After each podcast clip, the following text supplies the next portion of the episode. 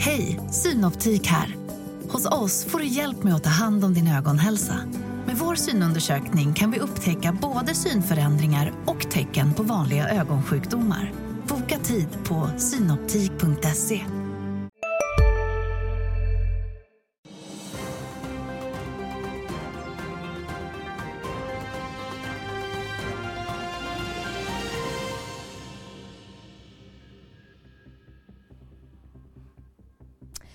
god morgon och välkomna till Börsmorgon onsdagen den 31 maj. Vi har några kvartalsrapporter att hugga tag i även den här morgonen. Bland annat rapporterar bostadsutvecklaren Besqab och biosimilarutvecklaren Xbrain. Vi har vdarna med på länk senare i programmet. på bankfronten meddelar Handelsbanken att man säljer stora delar av den finska verksamheten. Detta kommer efter att banken i fjol sålde av sin danska verksamhet. SBBs huvudägare eh, och eh, VD Ilja Batljan meddelade under gårdagskvällen att man kommer pausa sina ränteutbetalningar för de hybridobligationer som ställs ut av eh, ägarbolaget IB Invest. DI avslöjade även att regeringen sonderar terrängen och letar möjliga köpare av samhällsfastigheter. Mer om detta senare i programmet. Men nu med mig för att reda i allt det här har jag Robert Ollstrand, aktiestrateg på Swedbank och Agneta Jönsson, aktieanalytiker på DI. Välkomna. Tack. Tack. Ja, vi har många nyheter den här morgonen men jag tänker vi kanske börjar i bank ändå när vi har Agneta med oss. Vad säger du om de här eh, försäljningarna? Det, kan vi, det, gör vi. det här aviserades ju redan hösten mm. 2021. Sen slutfördes ju affären med Jyske Bank. Eh, såldes i somras och slutfördes under hösten. Eh, Finland har ju blivit fördröjt av Rysslands anfallskrig på Ukraina. Förmodligen hade det gjorts tidigare också. Eh, vi skrev om det här tidigare att en trolig lösning var just att det skulle säljas i delar. Mm. Eh, den finska bankmarknaden är inte lika fragmenterad som den danska. Det är stora aktörer. Nordea dominerar. Det är en mm. bank som heter OP som är dominerande på bolånesidan. Eh, så att det här var en liksom, rimlig lösning att man gjorde på det här sättet. Ja vi ska ju säga det för att det är nu i ett första skede skriver de här, då säljs privatkundsaffären och sen verksamheten för små och medelstora företag och eh, livförsäkringsrörelsen rörelsen för drygt 15 miljarder kronor. Men det är olika köpare alltså? Som, det är olika köpare och köper. Eh, den här Sparbanken, Oma köper en del, mm. sen var det ett livförsäkringsbolag som köper den delen och ytterligare en bank eh, som köper privatkundsidan. Mm. Eh, så att det här var en bra sak. Men det man, när man ser det här också, de säger det att de säljer 30 procent utav sin totala utlåning. Där har de en marknadsandel ungefär på 5,5 procent i Finland och eftersom det de säljer motsvarar 50 procent av riskvägda tillgångar. Det är sånt med låg risk som är kvar i banken nu och det är sannolikt en hel del eh, fastigheter där och eh, det som inte nämndes i affären det är ju affärerna med större bolag så att säga, så det är det som är kvar. Eh, och eh, där har man ju också den här situationen då med Nordea som dominant. Så tänkbara köpare där skulle jag kunna knäcka med antingen SEB eller DNB till exempel. Mm. Robert? Ja, ja nej, men det, vi ska lite om det innan. Det är nästan så att vi glömt bort att det, det, var, det fanns en affär att göra där. Men eh, det ska väl eh, godkännas. Men jag misstänker att det inte kommer vara några problem. Det är flera köpare. Eh, så, på så sätt. Så det, jag tolkar också som positivt mm. att bollen har satt sig runt, rullning nu där. Ja, eh, 15 miljarder sa vi får de in här. Eh, var ska de pengarna ta vägen? Eh, det, det, är ju så att man säljer tillgångar men det är tillgångar som genererar intäkter så mm. att själva effekten på resultatet blir ganska liten eller marginell. Det som är positivt i det här det är ju att det frigör eget kapital, eh, mm. pengar som man kan använda till annat sen, antingen dela ut till aktieägarna eller också att göra nya affärer. För, för det är ju så att de här verksamheterna säljs därför att de i Handelsbankens regi var mindre lönsamma. Mm. Jag såg att Danske Banks eh, bankanalytiker var ute och pratade om ett eventuellt återköpsprogram eh, med bland annat de här pengarna.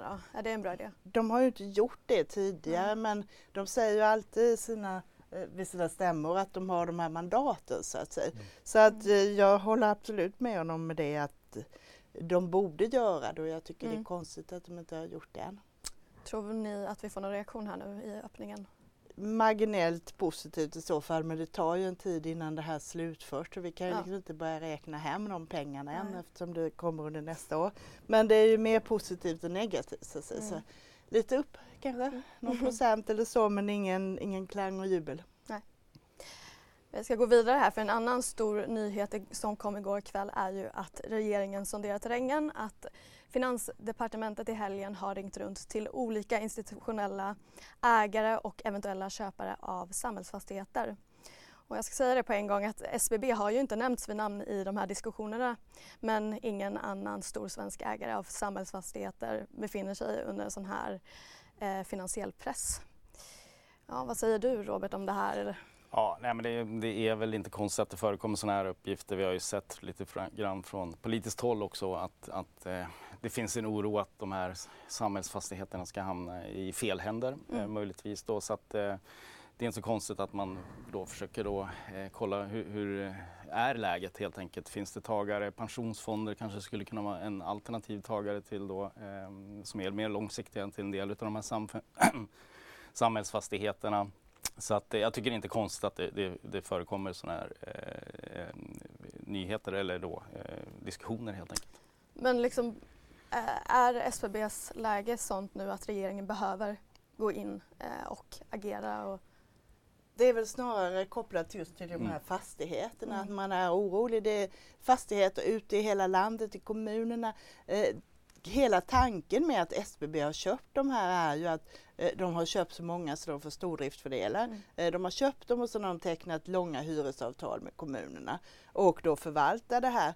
Om någon annan ska ta över, du kan inte köpa dem en och en och få en lönsam förvaltning på de avtalen som är plus att avtalen är jättelånga. Så risken är liksom att kommunhuset i Skellefteå sitter där och inte får en fastighetsägare som vill renovera lokaler, inte vill göra grejer, kanske säljer vidare till någon annan.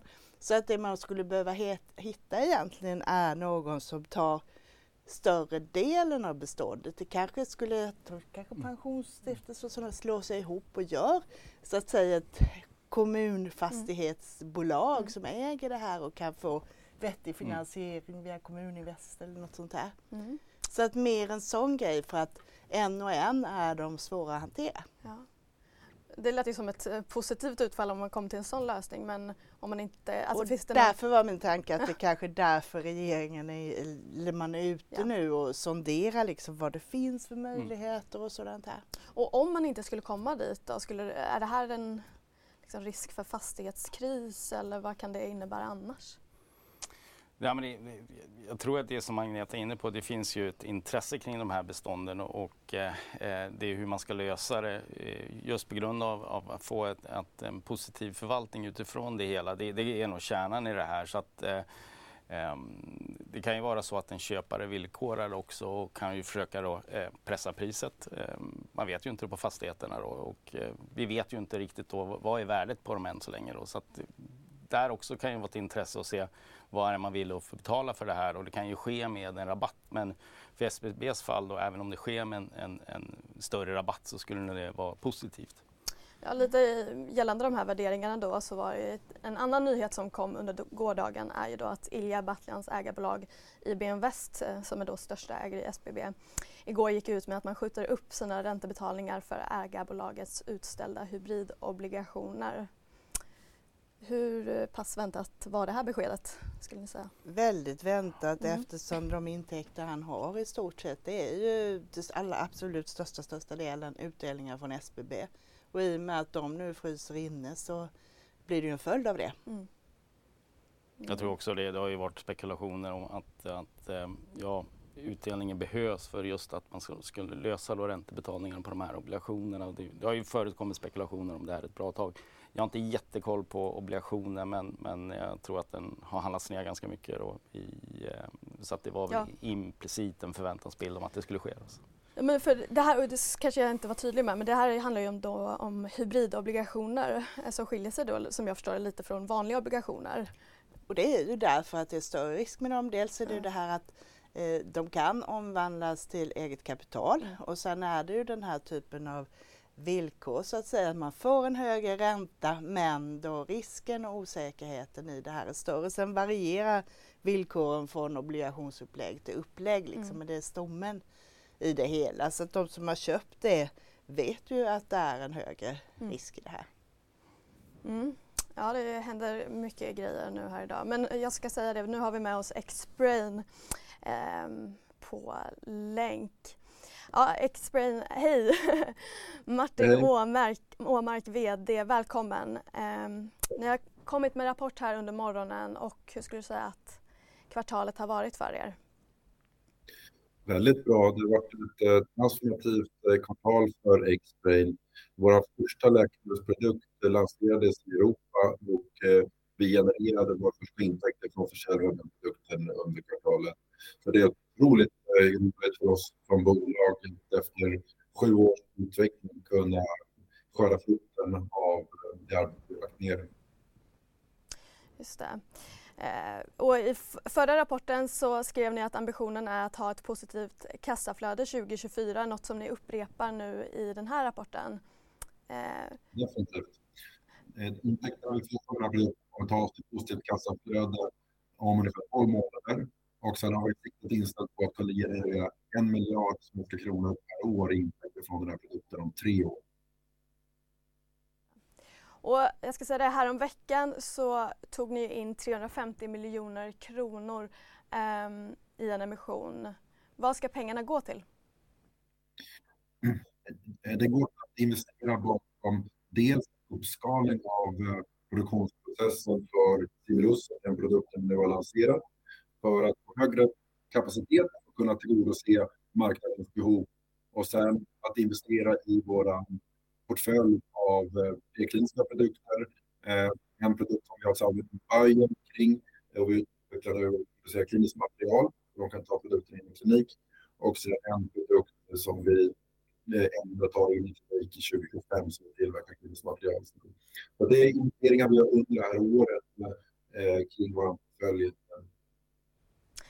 Ja, jag ska säga det, vi har lite problem med ljudet här i studion. Eh, men jag tänkte att du skulle få avsluta lite med att berätta om de läkemedelskandidater ni har i, i portföljen. Är det något som närmar sig ett godkännande redan nu kommande kvartal? Eh, är de som är lanserade i Europa. Eh, där har vi ansökt om godkännande även i USA. Vi förväntar oss godkännande i USA om 12 månader för att möjliggöra att Bausch vår partner i USA, för att kunna lansera produkten där. Sen har vi en simulakkandidat på ett läkemedel som heter Simpia som eh, vi tror kommer kunna få godkännande 2026. Och sen en bisimulakkandidat på ett cancerläkemedel som heter Opdivo som vi tror kommer kunna få godkännande eh, 2028. Så det är huvudsakliga eh, produkterna som vi tror kommer kunna komma till marknaden under det här årtiondet. Jag förstår.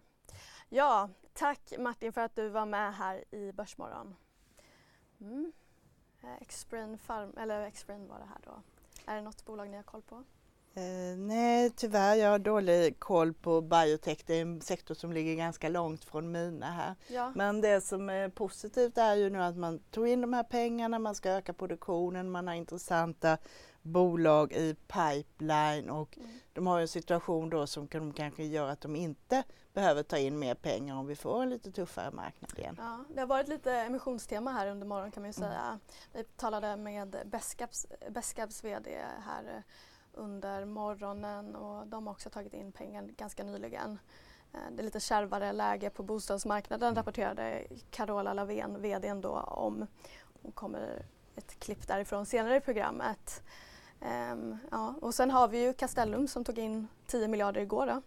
Så det verkar ju uh, finnas kapital fortfarande i alla fall. Jo men det, det, det var ju tufft ett tag i höstas och nu har, har man ju från flera håll att det har lättat lite och det är klart att bolagen passar på då för vi vet ju inte om det hur det ser ut i höst igen. Det, mm. det, här går ju lite i vågor beroende på vad som händer internationellt också. Mm. Ja, men för jag tänkte lite om vi återkopplar, vi var ju mitt inne i en diskussion om SBB här tidigare. Eh, de gjorde ju ett försök eh, med nyemission men sen som drogs tillbaka. Vad, eh, vad finns det egentligen kvar nu i, i SBB? Är det bara försäljningar som, som står kvar eller finns det andra alternativ?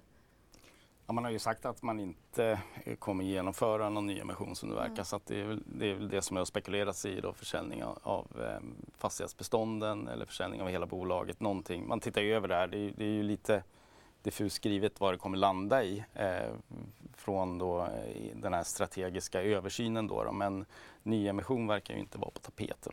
Frågan är också om man, om man, skulle kunna få igenom en sån, vad skulle då den hamna på med mera. Så att, eh, det är nog kanske, eh, man börjar där, titta, finns det tagare på, på bestånden helt enkelt. Mm.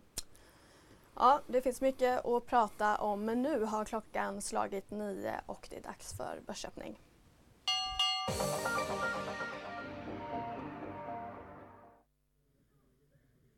Mm, tack för det. Som väntat så öppnar Stockholmsbörsen återigen för tredje dagen i rad denna vecka. Lite lite surt, ja, ganska rejält surt. Det börjar ticka på neråt här närmare en procent ner både för eh, börsen i stort och eh, storbolagsindex. Där ser vi väldigt röda siffror generellt än så länge där eh, SBB kanske inte helt oväntat är längst ner i botten följt av Nibe och Autoliv än så länge. Och på tal om SBB då, det har ju varit mycket diskussion där under morgonen både ifrån studion men även på DI sajt om uppgifterna som kommer om att källor till DI då säger att finans Finansdepartementet hört sig för om eh, eventuella köpare av samhällsfastigheter och aktien hittills då ner 6 blir det intressant att följa under dagen hur den utvecklar sig. Sen har vi då Handelsbanken som eh, då har hittat köpare av flera av bankens verksamheter i Finland. Precis som Agneta var inne på i studion där, kanske inte någon större börsrörelse än så länge handlas sidled svagt neråt än så länge. Telekombolaget då, Ericsson, där har vi också eh, uppgifter om försök att sälja delar av sin brittiska tv-teknikverksamhet och Red Media handlas också i sidled än så länge där. Vi kan eh, kika lite på de rapporterande bolagen som ni pratat om i studion. Xbrain Biopharma ner, ja den håller på att pendla där fortfarande men ner några procent och ännu värre då för bostadsbolaget Besqab som är ner tvåsiffrigt än så länge på en ganska tung rapport där än så länge. Kraftigt minskade intäkter och ett rejält resultattapp. Fortsätter inom samma sektor där till eh, Castellum. Där har man ju tagit in då 10 miljarder genom en emission. Det har inte påverkat kursen i större omfattning än så länge. Istället så ser vi bostadsutvecklaren Bonava då som har aviserat att man hoppas kunna sälja sin verksamhet i Sankt Petersburg och eh, har där ingått ett avtal med RBI Group värt 440 miljoner kronor. Annars då eh, så har vi också rapport ifrån First North noterade äger Bio där man har ett VD-byte eh, där Marco Witteveen blir ny VD och ersätter då Bradley Messmer den 15 juni äger Bio. Än så länge ner idag men det är ju en aktie som tappat mycket i värde sedan eh, toppen sommaren 2021. Men mm, det var väntat med en, en sur börs idag denna onsdag. Hej, Ulf Kristersson här. På många sätt är det en mörk tid vi lever i. Men nu tar vi ett stort steg för att göra Sverige till en tryggare och säkrare plats. Sverige är nu medlem i Nato. En för alla, alla för en. Vi är specialister på det vi gör, precis som du. Därför försäkrar vi på Swedea bara småföretag, som ditt. För oss är små företag alltid större än stora och vår företagsförsäkring anpassar sig helt efter firmans förutsättningar. Gå in på swedea.se företag och jämför själv.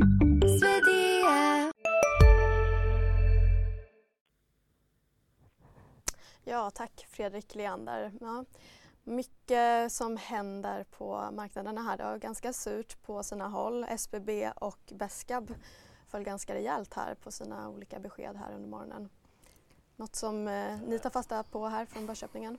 Ja, men Beska pratar ju om, eh, man ser utmaningar i bostadsbyggande och bostadsutvecklande så det var inte så konstigt. Starterna var noll vad jag läste mig till där. Eh, men man sålde ju faktiskt fler bostäder det här kvartalet än förra kvartalet så att, mm. kanske ett fall framåt då. då. Men, eh, men de har ju lite utmaningar här då och får vi se då eh, hur de eh, ser kommande kvartal om de vill starta bostäder. Det är ju sånt som kommer driva då topline här framöver då. Så att, eh, de har ju en tuff period helt enkelt. Det får man ju lov att säga. Mm, verkligen. Och SBB fortsätter ner också. Mm. Um, men jag ska säga det att vi är, det är dags att gå vidare till vår VD-intervju med Beskabs VD Carola Lavén.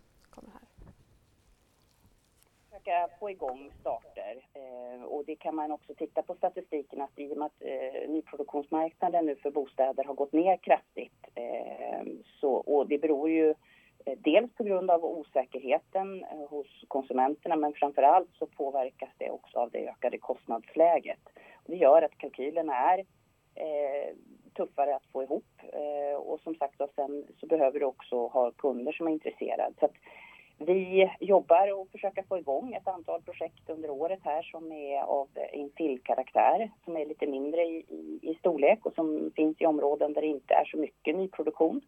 Och det är någonting som vi jobbar intensivt med och hoppas kunna, kunna starta upp under året. Men det är en, ett tuffare klimat att kunna komma igång med nyproduktion som vi också skriver om i rapporten. Bedömningen som vi ser är att, att vi ser det både för 23 och även en bit in på 24. Ja, det där var alltså Beskabs VD Carola Lavén som pratade om läget på bostadsmarknaden nu. Ja, det var alltså noll produktionsstarter i det här kvartalet för Beskab. Jag ska säga det också att försäljningen i kvartalet landade på 344 miljoner kronor och rörelseresultatet på 6,6 miljoner kronor vilket var en ganska rejäl försämring från tidigare jag tror 37 eller liknande i, i första kvartalet 2022. Så det hände ju en del grejer. Ehm, vad tänker ni? Är det, skulle det varit rimligt att vinstvarna på en sån här rapport? Eh, nej, jag vet inte. Det, det, är väl inte... Jag tror att eh, det är, det är ingen som direkt följer eller har estimat på det här bolaget så att jag vet inte vad förväntansbilden är då. Så att, vad ska man vinstvarna det om man har guidat för någonting själv då. Men det, det har jag inte riktigt koll på där då. Men men eh, ehm, jag tror liksom att det är, det är ett vänta och se-läge här nu för den här typen av verksamhet. Jag tror att köpare och säljare också måste ju då eh, hamna i balans. Var är, pri, var är priserna på, på bostäderna nu för tiden? Vi ser ju även tröghet i andrahandsmarknaden så att nyproduktion också då eh, klart eh, drabbas ju av det. Så att, eh, det, det, det, är bara vänt, det är ett vänta och se-läge här eh, helt enkelt i den här typen av, av eh, verksamheter just nu då, vilket de vittnar om att hon pratar om eventuellt svaghet in i nästa år då, så att eh, mm. det, det, är tufft helt enkelt. Boverket har ju prognostiserat ett halverat bostads eller nyproduktion nu i, i år. Mm. Va? Mm. Så det verkar ju vara jobbigt för hela mm. sektorn. Och det är jättejobbigt det där också för du har ju ett behov utav mm. bostäder. Mm. Men det här gör ju, eftersom det är en stor laggning från att man startar till det kommer ut, så gör det också att den här typen av marknad är ju en av de mest cykliska vi har. De mm. viker ju fortast men sen kommer det igång igen också. Eh, nu skulle man ju behöva egentligen att det producerades mer bostäder. Mm. Eh, än vad det gör faktiskt. Det som man har extra problem den här gången är att man gick in i det här, de som började produktionsstartas för ett år sedan och så var det mycket avtal med material och sånt där. Insatskostnaderna, mm. råvaror var mycket högre då på grund av inflationen. Mm. Och vi ser ju de som kommer ut där avtal redan är tecknade och där det ska vara tillträde. Där höjs ju avgifterna ofta i bostadsrätter mycket mer än vad det har, var tänkt från mm. början. Så där pågår ju också flera tvister i marknaden och det har ju också att göra med inflationen. Så denna gången är det fler moment inblandade i att det är tuffare också. Du sa ju, du var inne på det här med att vänta och se. Vad är det man ska vänta på egentligen? Nej, men omsättnings, eh, jag tror att eh, som köpare så upplever att det är stor osäkerhet i, i dagsläget. Var är räntorna på väg? Var är konjunkturen på väg? Kommer jag behålla mitt jobb? Det här kan ju skapa då en ganska stor tröskel för att då gå ut och kanske då köpa ett nytt, eh, ny bostad. Mm. Och det är de här delarna som kanske måste då lägga sig, att man blir mer konfident. Man möts, vad är priset nu? Ska priserna ner mer? Det är ju många frågor i luften där. Eh, var är inflationen på väg med mera? Hur kommer elpriserna se ut nästa eh, år och så eh, vidare. Så det, det, är många frågor här som är spel som man kanske tänker på som köpare då som kan göra att ja, men vi väntar helt enkelt med att, att eh, köpa nytt helt enkelt för den stora massan. Då. Sen omsätts det ju alltid lägenheter eh, och bostäder här och var, även idag. Men, men det, det, det är stora frågor för en potentiell köpare. Ja. Och det är en tröst i det här är väl att det bidrar ju lite till att hålla uppe priserna på begagnadmarknaden, mm. att det inte kommer ut så många nya. Eh, men sen är det ju trist för de som behöver en bostad naturligtvis. Ja. Och som du är inne på, okej okay, vad kommer det här innebära då om man blickar längre fram när de här sakerna har lugnat ner sig då? Kommer det vara brist på bostäder igen då? Så för, för nu byggs det ju inte mycket. Nej precis. Men jag tänker vissa kanske är lite sugna på att gå in nu och bottenfiska i de här aktierna. Finns det någon eh, några byggspelare som är lite, känns lite tryggare än de andra? Eh, jag hade väl tagit JM då. Ja. Det är ändå de liksom har bra lägen. Mm. Det brukar vara en sån här som brukar vara läge att gå in i när man börjar få de här poset lite små. När man ser de här metkrokarna att det kanske börjar vända runt. Mm. Ja, nej, men jag skulle också tänka det är kanske lite större, lite, bet mm. lite bättre möjligheter. Då. Ja, vi kommer in på lite aktiecase senare i programmet men först hade du med dig en liten, några spaningar här kring börsen och marknaderna, Robert. Ja, jag tog med mig några grafer. Jag vet inte mm. vilken vi skulle ha först där. Och det har ju varit väldigt mycket snack om skuldtaksproblematiken i USA. Vi har en eh, lösning på plats. Då. Det ska väl röstas om det kanske idag då på, mm, i representanthuset. Och det här är en graf då över S&P 500 som är reverserad här då. Den är omvänd i eh, grafen och så har vi då helt enkelt statskassan eller reserverna då för, för finansdepartementet i USA då. Och det är ju på väg att hamna i nollan. Det är därför man slår i taket då helt enkelt. Får man en lösning på plats här nu eh, så är det ju då, okej, okay, vad är nästa steg? Ja, då ska man ju fylla på kassan igen här och det pratas ju om att man kanske då ska fylla på eh, balansen med runt 1000 miljarder dollar. Och det innebär ju att en väldigt mycket obligationer kommer ju behöva emitteras då eh, från amerikanskt håll. Och det är väl här då problematiken börjar på eh, kanske då öka då i marknaden. För vi vet att eh, mycket av det vi har sett här har ju drivits av likviditet eh, i, i risk, inte minst i aktiemarknaden. Okej, okay, så vem ska vara tagare av de här obligationerna som emitteras? Och det är det här som då kan, problematiken i kommer då vara från eh, bankernas reserver, insatta medel då som kommer då in och lockas för det här. Ja, då kommer det kanske bli en brist på dollar i systemet. Ehm, det kommer även då sätta press på redan eh, då eh, banker som har problem med eh, insatta medel. Så att, hur kommer det här fyllas på och vad blir det vad innebär det för likviditeten i marknaden då? Det kan ju vara en ganska eh, duktig tröskel för, för aktiemarknaden att hantera då. Och sist det var skuldtaksproblematiken här då i slutet på 2021 så när man fyllde på kassan där, ja då fick ju då aktiemarknaden eh, problem. Så att återstår att se om det kommer innebära eh, liknande problem för aktiemarknaden. Skulle det vara så att eh, penningmarknaden då, penningmarknadsfonder eller liknande tar de här eh, obligationerna då så, så eh, kan det kanske innebära mindre problem. Och vi vet ju att, att eh, den amerikanska centralbanken kommer inte stå där som köpare för de, för, de minskar ju sin obligationsinnehav mm. redan i dagsläget. Så det kan bli en situation här då vi får lite dollarbrist eller dollarlikviditetssqueeze eh, och eh, att, att marknaden då eh, drabbats av, av fallande likviditet. Och det, det kan ju vara kämpigt för aktiemarknaden. Mm. Hur snabbt går en sån här sak? Ja, de, och det är det också som de ska ju fylla på kassan nu i en takt då, som sticker ut historiskt. Då. Det är bara närmaste då vi kan komma det är under pandemin eller finanskrisen då. Så att de närmsta kvartalen här så ska man ju fylla på det ordentligt då helt enkelt. Så att, eh, det är mycket obligationer som ska emitteras. Mm.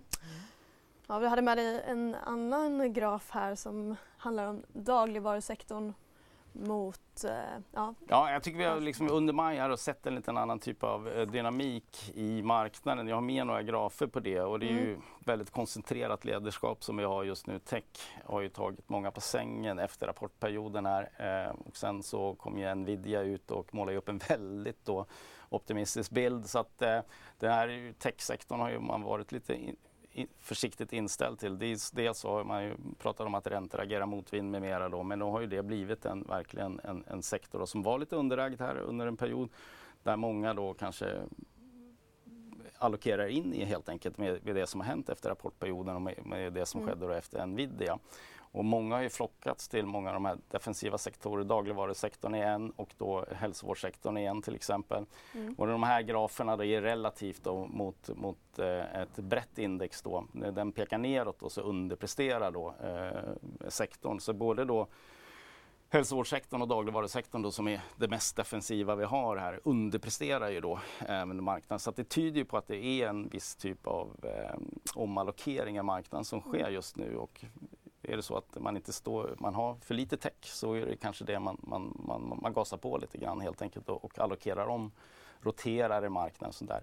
Det behöver inte då vara negativt, det kan ju också vara positivt då. då för det, lite grann det som göder, eh, vad ska man säga, som får eh, systemet att flöda lite grann då, omallokerar marknaden istället för att vi har en bred då, risk av eh, situation helt enkelt. Jag tror också, jag tog med mig två andra grafer där om vi kan ta upp dem som, som tecken på det. Att det här är då eh, realräntan då som har tickat på rejält mycket upp och vi har haft en ganska bra samklang då aktiemarknaden kontra realräntan. Här är också S&P då eh, reverserad i grafen eh, tvärtom och det, det indikerar ju där att under maj här så har ju då aktiemarknaden faktiskt klarat sig ganska bra trots att vi har haft stigande realräntor. Så det är också en dynamik som har förändrats. För Stigande realräntor har inneburit tidigare då problem för aktiemarknaden. Samma sak, jag tog med en över dollarn här. Vi har haft en period där med väldigt stark dollar den senaste tiden. Det har in heller inte satt käppar för hjulet för, för aktiemarknaden. Så att, eh, såklart drivit en hel del av tech. Men det är någonting som har förändrats här under maj eh, månad. Att dynamiken har ändrats lite grann. För Många, många i, i tankebanorna hade att ja, men en stark dollar, stigande räntor, ja men då kommer vi få problem för aktier. Men så har det inte varit i det här fallet faktiskt. Mm. Är det här, eh, den här ändrade dynamiken något du har tänkt på Annie? Nej, men det var intressant att mm. lyssna på det här. Mm. Man, eh, det har ju varit ändå liksom, om vi bortser från det här oron som var i samband med de amerikanska bankerna, så det har mm. ändå varit en starkare marknad än vad vi trodde och säkert många trodde under våren här. Mm. Ja, eh, vi kommer in på lite case eh, senare. Eh, ni båda har med er var sitt och vi kanske ja, går på det redan nu. eh, Agneta, du skriver ju då i dagens tidning om servicebolaget KOR. Precis, Kor. de jobbar ju med eh, fastighetsservice. Dels har de såna här jättestora kontrakter som kallas för integrerad fastighetsservice där de tar hand om all skötsel och Eh, Eh, teknik, eh, energioptimeringar, eh, personalrestauranger, typ som Nya Karolinska och sånt här. Och dels har de då mindre kontrakt med andra bolag och det är ungefär hälften av varje. Och det, här. och det som händer nu som jag skriver om det är att de tappar Ericsson då som kund. De har haft dem i 20 år och de har deras kontrakt värt ungefär en halv miljard per år. och det motsvarar då 4 av bolagets omsättning. Eh, det ligger i sakens natur. De har, många, de har en del stora kunder men de stora kunderna, de tio största kunderna svarar för 39 procent utav omsättningen. Det har kommit ner lite. När jag skrev om det för något år så var det 46 procent. Det är inte första gången det här händer. De tappade ett sånt här stort mm. kontrakt lika mycket värt med Equinor här, här om året och då fick du också det här med tvåsiffriga aktiekursfall och sånt där. Sen tecknar de ju nya kontrakt eh, hela tiden också så att det finns en del sådana här stora kontrakt ute nu för upphandling, bland annat eh, ett med danska byggnadsstyrelsen. Eh, en upphandling som består av tre olika kontrakt där då KOR har vunnit ett utav dem tidigare. Eh, möjligtvis kanske de kan få det här också. Men det som man ska tänka på lite i det här det är att när du får in de här stora kunderna när de är nya så är ofta marginalerna betydligt lägre i starten. Eh, för då tar man in extra personal, man ska komma överens hur det ska göras och sådär. Och när man har kommit igång sen så mm. ökar lönsamheten successivt. Så att det du ser här nu är att vi har haft en del eh, marginaltapp. Nu fick man igång det här med danska byggnadsstyrelsen och även det här danska torgbolaget DSB heter det. Mm. I höstas och då trillade rörelsemarginalen ner från 6,2 eh, procent ett år tidigare till 4,4 och då åkte aktien ner 20 procent. Eh, så man ska vara medveten i dynamiken. Mm. Men sen efterhand så jobbas det här upp. Så tittar du på omsättningen så är den betydligt stabilare än lönsamheten så säger om du tittar från kvartal för kvartal. Så det är en liten rörelse i det där. Men i grunden så tycker jag att det är ett stabilt bolag. Man har också en stark kassagenerering. Målet är att kassagenereringen ska vara över 90 procent och nu ligger man runt 95 procent. Och det kassaflödet också som eh, plus eh, rörelsemarginal, rörelseresultat som gör hur mycket man eh, kan dela ut. Man delar ut 50 procent av vinsten så det är en sån här aktie med väldigt bra direktavkastning. Jag tänker bara lite på de här förlorade liksom, eh, kontrakten och så. Är det någon, hur konjunkturkänsliga är de egentligen? Inte så mycket utan det är mer, eh, dels är det pris men det är också olika typer av servicegrader. Mm. Ibland vill stora bolag också byta och utsätta lite för de här för varandra. Det är ju sådana här som görs på enorma stora upphandlingar med mm. stora eh, underlag och sånt och framförallt så står det ju mellan då KOR och det danska bolaget ISS. Det är just de det. två som är de absolut största aktörerna inom det här just nu. Mm. Ja, ett intressant bolag. Eh, men nu tror jag att det är dags för oss att gå över till Fredrik Lenander i Marknadsstudion. Ja, vi måste kika vidare lite på hur börsen går även om det inte är särskilt muntert. Det är fortsatt eh, rejält rött här på Stockholmsbörsen och storbolagslistan något eh, gladare men ja, dystert även där. SBB fortsatt eh, det stora loket neråt där man då tappar eh, 6,5 procent än så länge idag på de nyheter som då har varit under dagen. Vi tittar på de lite då muntrare bolagen. Där har vi Saab som ju igår rapporterade om en order med Försvarets materielverk upp 1,5 procent hittills. Embracer gör även eh, hittills idag en glad dag med ja, dryga knappa 2 procent någonstans. Och sen kikar vi lite på de eh, bolagen som rapporterat då, som vi haft med i sändningen. Då är det Xbrain upp men Vescab ner idag än så länge. Eh, Epiroc, industribolaget, har fått en eh, order från Boliden värd cirka 130 miljoner kronor. Det är dock ingenting som gör glada siffror för det bolaget. Bilia har vi där eh, som går positivt idag. De har fått en ny bevakning eh, och bevakas ifrån eh, riktkursen 130 kronor. Aktien stängde där på 105 kronor och rekommendationen är köp. Så Bilia positivt idag och annars är det ganska rött helt enkelt på, på Stockholmsbörsen. Vi får väl följa den under dagen och se om det blir något muntrare. Det får vi göra. Och eh, här ska vi gå vidare med nya case. Det är Synsam som du har tagit med dig, Robert. Ja, men precis. Eh det, först kan man säga det, liksom konsumentsektorn, det är ju eh, många bolag där som har problem. Det är en hel del, man slits mellan hopp och förtvivlan så det är en liten plågad sektor. Men vad kan vara intressant i den här sektorn då?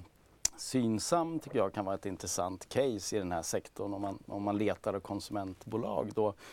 Ehm, synsam då, om man tittar på den underliggande marknaden så växer den strukturellt runt 3-4% per år och det kan man säga då Synsam opererar i, i något av en marknad där vi, som eh, är lite grann av ett oligopol. Då. Det är tre stora aktörer varav Synsam är en aktör men sen är det runt 30% av marknaden som är lite mindre spelare. Då. Det kan vara bara en butik eller liknande. Då.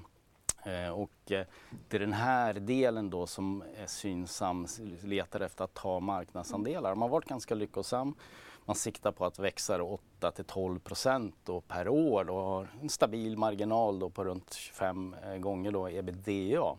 Så att det är väl grundförutsättningarna. Och då måste jag fråga, är det då att man liksom tar marknadsandelar organiskt eller köper man upp de här? Nej, utan det är organiskt då. Så att det som kommer driva det här det är ju deras då eh, prenumerationstjänst eller Synsam Lifestyle då. Så att tanken är det här att man binder upp kunden då över en längre period och man, man får kunden som är återkommande då och skapar ett bättre kunderbjudande. Eh, med en månatlig eh, avgift då, så får du försäkringar och möjlighet att byta glasögon. Tanken är att det här ska locka många då, att det, istället för att man kanske inte helt enkelt vill lägga ut 10 000 på ett par nya glasögon eller känner att man kanske vill ändra sitt utseende med glasögonen. Att det här då ska locka kunderna mer helt enkelt. Då, att man har mindre då utgift varje månad. Man får bättre överblick över sina kostnader. Och det här har varit ganska lyckosamt. Det har ju funnits en oro då att man, ja men nu när det är lite sämre tider, man kommer inte signa upp sig för det här. Eller man kommer då hoppa av det. Men i Synsams fall så har det inte faktiskt varit så utan här ser vi att tillströmning till tjänsterna har ökat då. Nu i senaste rapporten då så var det runt 30 tillväxt. Runt 550 000 då abonnenter har man. Man siktar på 600 000 över årets slut. så att, eh, men vad är det, är det lönsamt, eh, lönsamheten? Ja, lönsamheten då eh, går ju upp. Man får de här, det blir bättre då intäkt per kund helt enkelt då. Eh, och vi ser ju också att eh, folk verkar stanna kvar i de här tjänsterna så att det är runt 2% man tappar bara så att det är väldigt lågt. Eh, så att aktien tycker jag ser intressant ut ur det perspektivet då. Så att det kan, kan vara någonting att hålla i i den här sektorn. Multipelmässigt eller estimaten tycker jag också är rätt konservativa. Då. Eh, man hade en försäljning runt 5,3 miljarder förra året och siktar på 6 miljarder i år då med en marginal då på strax under 25 procent. Ehm, så eh, man växer runt 12 procent i år. Blickar man då 24-25 estimaten så ligger det modellerat någonstans 6-7 procent tillväxt då. Mm. Så att, eh, och det är ju betydligt lägre än vad bolaget själv siktar på och en, även då marginalerna ligger lite lägre mot deras egna mål. Så att det finns utrymme då för estimat och att man kan då överträffa då förväntansbilden och skulle vara, fortsätta vara lyckosamt. Då. Mm tycker också liksom att de, de, tillväxttakten verkar ta fart här också under Q1. Så jag tycker att deras modell verkar funka faktiskt. Ja, men man ser ju de här Synsam-butikerna överallt. Men e-handel, har de någon sån? Liksom? Ja, är, man kan ju tycka det. Det är bröd och salt och Synsam ja, i varje hörn här i Stockholm. Då. Så det, det, man kan ju tycka att ja, men är det inte moget då med butikexpansionen då? Men det är inte det här då tillväxten ska ske utan det, det är de här mindre orterna där det kanske finns en lokal optiker då eller, eller liknande. Det är där expansionen kommer se och det är där man kommer signa upp kunderna. Så att eh, man träffar sin optiker där, kommer tillbaks, får kolla lite glasögon mm. och så har man möjlighet att byta ut dem och, och, och liknande. Så att det, det är ute i landet och eh, tillväxten kommer ske främst. Mm.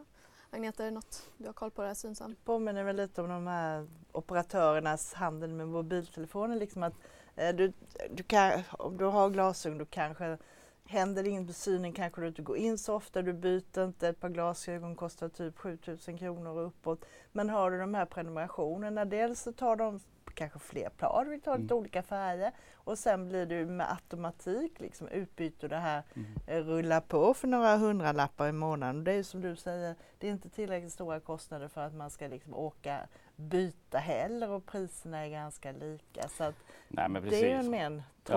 Och de här små, mm. små lokala spelarna har ju inte möjlighet att sätta upp en liknande tjänst. Så det är väl också Synsams fördel där. Och tittar man på en av de andra stora aktörerna, det är ju Specsavers, det är ju mer franchise-modell då. Där kan man inte heller då se samma möjligheter att starta upp en sån här prenumerationsmodell. Så att, jag tycker de i den här nischen i alla fall så är det ett, en intressant eh, aktör.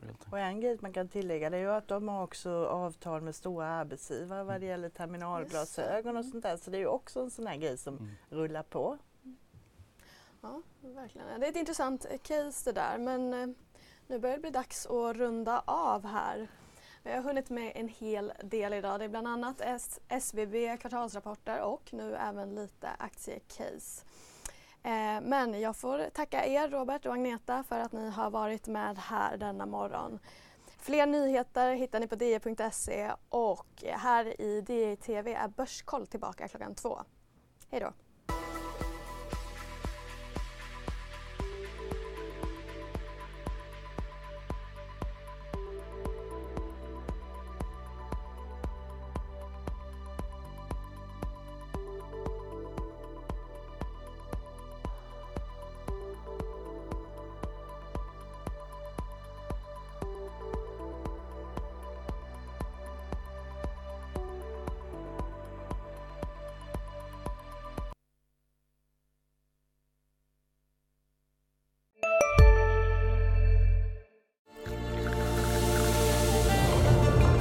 Välkommen till Maccafé på utvalda McDonalds restauranger med Baristakaffe till rimligt pris. Vad sägs om en latte eller cappuccino för bara 35 kronor? Alltid gjorda av våra utbildade baristor.